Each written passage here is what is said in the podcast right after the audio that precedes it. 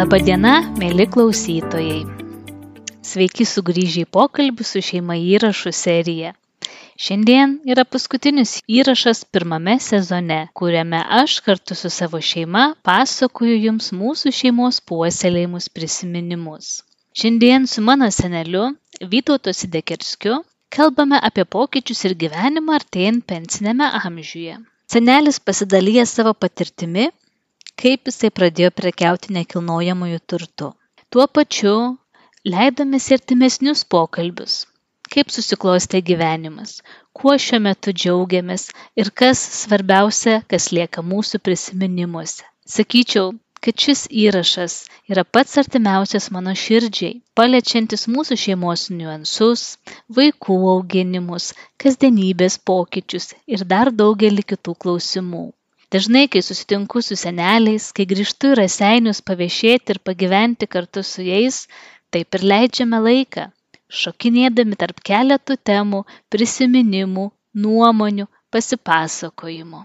Norėjau šito įrašu įamžinti sau kad ateityje galėčiau pajusti kaip buvo gera girdėti šias mintis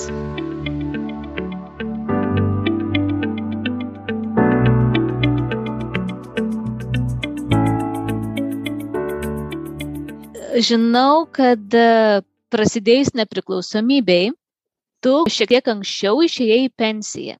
Kokie buvo sprendimai, kodėl taip sugalvojai? Sprendimai buvo tokie, kad reikėjo Mariją auginti. O Marija yra mano sesuo, tavo anūkė. Už tai, kad e, Aurelija norėjo eiti darbą jau, nebuvo ką Marijos prižiūrėti. Čia kelinti metai. Buvo 94 metų žiema buvo.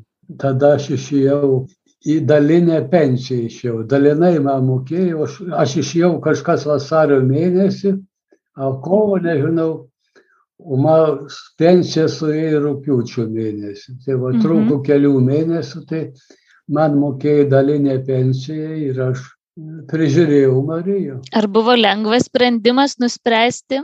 Tai, kad, kad tada darbas jau, jau darbovietė eina, ėjo link bankroto. Buvo, buvo jau pasibaigęs darbas. Aha. Jau tada aš išėjau po kelių mėnesių, įsiskirsti visi jau. Mhm.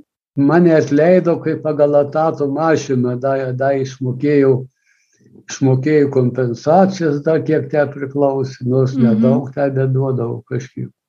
Tai va, čia dabar nuo 94 metų pensininkas. Kai žiūrėt gal į tuos metus vadinamą pensiją, tu labai nenobodžiavai ir tikrai nuveikiai labai daug. Ar buvo lengva įsivažiuoti ir pradėti gyvenimą pagal save, o ne pagal darbo rutiną? Na, kai įsiskirsti visos organizacijos išsiskyrė statybininkus, tai čia kitaip negalėjo būti. Mhm. Va, paskui pa, palang, palangoj daugiausia atostogaudavo ir viskas, va, užsidirbau pinigų, dar tie vieną kitą būtą pardaviau. Kam kilo pirma idėja, kad galima pajūrį įsigyti nekilnojamo turto? Tai turbūt man pirmiausia kilo. Mhm. Už tai, kad mes buvom nuvažiavę kai 88 metais buvom nuvažiavę į Vokietiją, tai aš mačiau, kokios ten kainos būtų yra. Aha. Tai įsivaizdavau, kad tai pas mumis kils. Mhm. Tai va, tai, tai jeigu mes pirmą tą būtą pirkom už 7,5 tūkstančių dolerių, mhm. pardavė už 65, Oho, tokios kainų kilimas buvo toks. Per, per dešimt metų, paskui už 75 metus, už 75 tūkstančius pirkau e, kitą būtą, dviejų kambarių tą būtą. Mhm.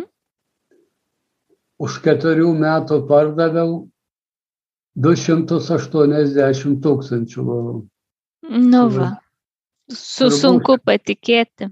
Kur buvau 75, kur, kur 200, nu da biškių remontą darau, mhm. tai skaityk, kad 200 tūkstančių per keturis metus užaugau. Nu va, koks pavyzdys verslininko gislelės. Ir tada nusipirkom palangoj dabartinį būtų. Mhm. Ir dar per tau būtų turėjom pridėti, ką kur, kur Vilniui pirkta. Taip. Tai turbūt čia pasinaudosiu progą pasakyti, kad kai žiūriu atgal į savo studijas, kai išvažiavau į Vilnių, aš turėjau labai daug laisvės nuspręsti, ką aš noriu daryti. Aš galėjau studijuoti, aš galėjau dirbti, aš galėjau pakeisti darbą, jeigu man nepatikdavo, nes aš žinojau, kad aš turiu kur gyventi. Man nereikėjo pergyventi, kad turiu nuomos mokesčius mokėti. Ir turbūt tai buvo ta laisvė, kuri leido man padaryti sprendimus ir studijų, ir darbo, kad galėčiau būti čia, kur esu dabar. Tai labai Mhm. ačiū senelį, tai buvo tikrai didelė, didelė parama ir, ir galimybė įsitvirtinti gyvenime. Nu, tai labai gerai. Ir tik tikrai didelis pavyzdys ir, ir smagu buvo stebėti, kad tu turėjai laiko visam remontui ir būtų klausimam. Nu, gerai. Gyvenk toliau, džiaugis. Taip ir darau. Kai atsibos, parvažiuok į Lietuvą. Mhm. Turbūt taip tarp mūsų kalbant, čia dabar tokiais įdomiais laikais gyvename, ar ne, tas karantinas, šiek tiek tos ramybės, mažai kažkur judėti. Nežinau, ar tau yra tekę gyventi vienam, bet aš šiuo metu galvoju, kad turbūt gyvenu geriausius gyvenimo metus. Pagal save, pagal savo rutiną, pasigaminu, ką aš valgyti noriu, pagal tokie labai labai ypatingi metai. Nu, tai la, labiausia, kad gyveni kaip nori. Ši šito yra šita laisvė.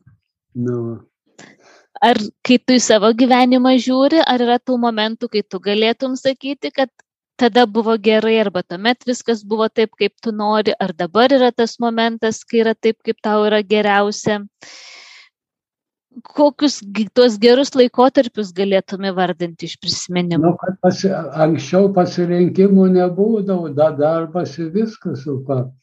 Ni- Nieko per daug rinktis negalėjai. Dabar, nu ką mes, beveik galima sakyti, kad mes dabar la- laisviausia gyvenam geriausia. Mhm. Mažiausia taupytis reikia, viskas sutaupyta jau. Marijai padėsim nusipirkti saloną dabar. Sakė, kad didelis, didelius langus sudėjo, patenkinta. Ja, aš irgi girdėjau taip. Mums dabar didžiausias džiaugsmas, kad būtume, toji Marija, kad būtumėt patenkintus, ir kad sveikus būtumėt. Tai man labai džiugu, kad tiek mum, tiek ir jums saliginai tų sveikatų netrūksta. Sušlubuoja va kartais kaip ir tau regėjimas ir panašiai, bet turbūt mūsų šeimynai išvengiam nemažai lygų. Nu, tai regėjimas dabar mano pasėtinas atsistačiau, biškai kryžiaučius pasprendžiau dabar. Labai gerai. Nu, O kalbant apie sveikatą, ar buvo šeimoje kažkokių lygų, ar vėžys, ar širdies problemos, ar yra kokios silp, silpnos vietos jūsų giminėje, kad galėtum sakyti, kad va, vis pakirsdavo šitą lygą visus? tai mano mama mirė vėžiu, Mhm. gimdos vėžiu mirė. A, supratau. O, o tėvas, nežinau, te tą lygą, kokią jam pripažino, kad jisai, a jis ten nuo gripo mirė, a jis ten nuo, nuo ins- insultų ten, jam, jam tų lygų daug buvo tada. Ar gali pasidalinti istoriją savo tėčio gyvenimo pabaigos, kas tuomet nutiko? Nu ką, jisai, jisai šitą labiausia, kad taip buvo šitą, jisai sirgo, sirgo, sirgo gripu, nebaigė sirgti, nuėjo į darbą, išvarė dirbti į ją, Į kolūkį, taip? sušilo, per atvėso, vėl plau- plaučių uždegimas, į, į paskui neįsikapstė jau toliau. Mm. Pirmin, kiek metų buvo tuomet tavo tėčiui? E, Buvo 62 metai. Mm. Kaip mes visi ir sakome, labai per anksti. Nu, per anksti. Mm. O senelis? Kokia buvo senelio lygos istorija? A senelis mirė nuo senatvės turbūt jau buvo. Mm. Kad 88 metų jau mirė, tai ką jau senatvės, tų lygų te daug turėjo visokių, bet į ligoninę neįdavau, dantis su replėmis O įtraukdavau. vargė, o vargė. Nu, senelis išgyveno nebuvęs pas daktarą. Nu, į- Mirė iš senatvės jau, me, kiek jis ją pagulėjo, gal pusmetį, metus laiko lovos. Mhm. Supratau. O močiutė ar atsimeni? O, o močiutė, tai nežinau, gal jinai negulėjo ant lovos, jinai panašiai tai kaip, kaip aš dabar. Sna, snausdavau savo prie pečiaus, aš dabar per televizorių snaudžiu vis. Aha. Kada atsirado televizija jūsų gyvenime?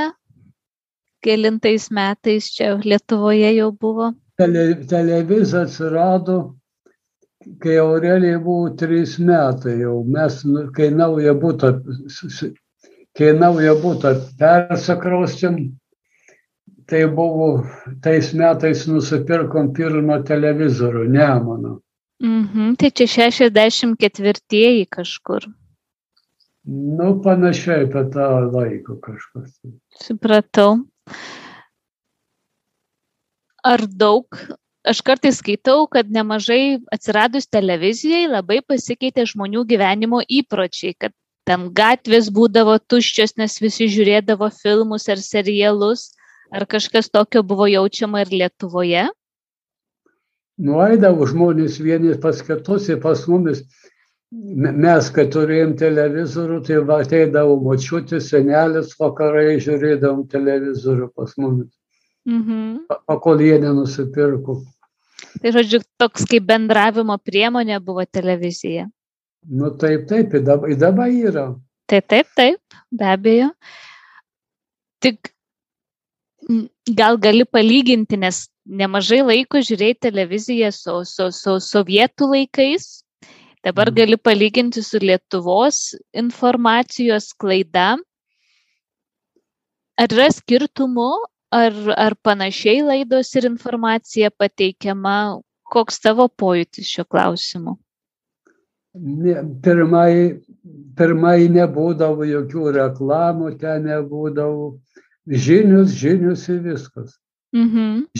Žinios, jeigu koks, spek- koks spektaklis, vaidinimas, čia tokie dalykai būdavo. Mhm. O kokias labiausiai mėgdavai programas žiūrėti? Ar, ar filmų? Gal turi mėgstamą filmą, beje, kurį gali įvardinti? Ka- Kad ir tų programų nedaug būdavo, kokias būdavo, tokias žiūrėdavau. Vieną programą turėjom, žiūrėjom. Mhm. Aš, aš nežinau, te buvo daugiau, kad pirmie televizoriui, kai išėjo, viena programa buvo. Mhm. Paskui gal ištobulėjo, kad buvo antenos buvo tik tai kraipomos, sukamos, blogai rodydavo, iš pradžio sunkiai rodydavo. Mhm. Supratau. Ar būdavo ta problema, kaip dabar kartais girdžiu savo draugus kalbant, kad vaikai per daug televizorių žiūri? Ar būdavo tokių konfliktų su mano mama, arba mano sese, arba manimi, kad mes per daug televizorių žiūrim? Ar čia, ar būdavo aktuali tema? Kad nebūdavo, aš nežinau. Nebuvo tokių dalykų, nežiūrėdavau per daug. Supratau. O ar skiriasi auklėjimas, pavyzdžiui, kai tu augai, kai mano mama auginai, kai mano sesė auginai, ar, ar, ar skiriasi vaikų auklėjimo tradicijos, ar, bū, ar pats būdavai griežtas tėtis mamai ir Tai gali spręsti pagal save. Nu, man tai tu, tu buvai labai geras, než, nežinau, kaip anksčiau, kai jaunas buvai, gal, gal griežtesnis buvai. Jau, jau, jaunesnis dar geresnis. Aha, Tai, kad eidavom darbą, nebuvo kada pyktis. Iš- ir Išeini į va- rytą vakarą pareini. mhm. Ar reikdavo padėti mamai namų darbus daryti? Nu, nežinau, čia reikia paklausti jos, kiek aš čia padėdavau. Aš tik atsimenu, kad... Man užtekdavo darbus ir čia va statybos buvo, toj pate pagyveno. Senelis spręsdavo man uždavinius, padėdavo iš punkto A į punktą B. Matematika senelis padėdavo. Padėdavo. Jau kai ten tas lygtis, tai jau jisai nesuprato, bet tada tokius trečiokų, ketvirtokų ten tie tokie, aš užsifiksuodavau, ne, negalvodavau. Tai senelis man pa, pa, paaišydavo, paaišynikės A, B ten. Aha. Na, matai, mamai likę prisiminimuose, kad skirdavai, rasdavai laiko tarp visų darbų. Aš neatsimenu, jau nežinau. Nu, va, kaip smagu visiems kartu rasti prisiminimus.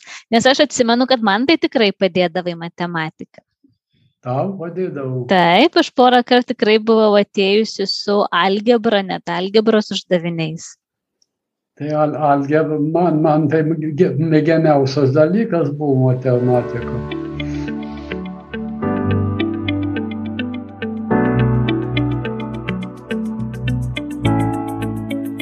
Kaip ir minėjau, šiuo asmeniniu ir šiek tiek kasdienišku pokalbiu baigiu pirmą pokalbį su šeimose įrašų sezoną. Negaliu prižadėti, kad bus antra dalis, o jei ir bus, negaliu numatyti, kokias temas nagrinėsime tuo met tačiau labai džiaugiuosi turėjusi galimybę gyvai įamžinti bent jau dalį pokalbių ir bent mažą dalį tų prisiminimų, kurie buvo išgyventi per daugiau nei 80 metų. Ačiū, kad buvote kartu. Nuoširdžiai jūsų Evelina.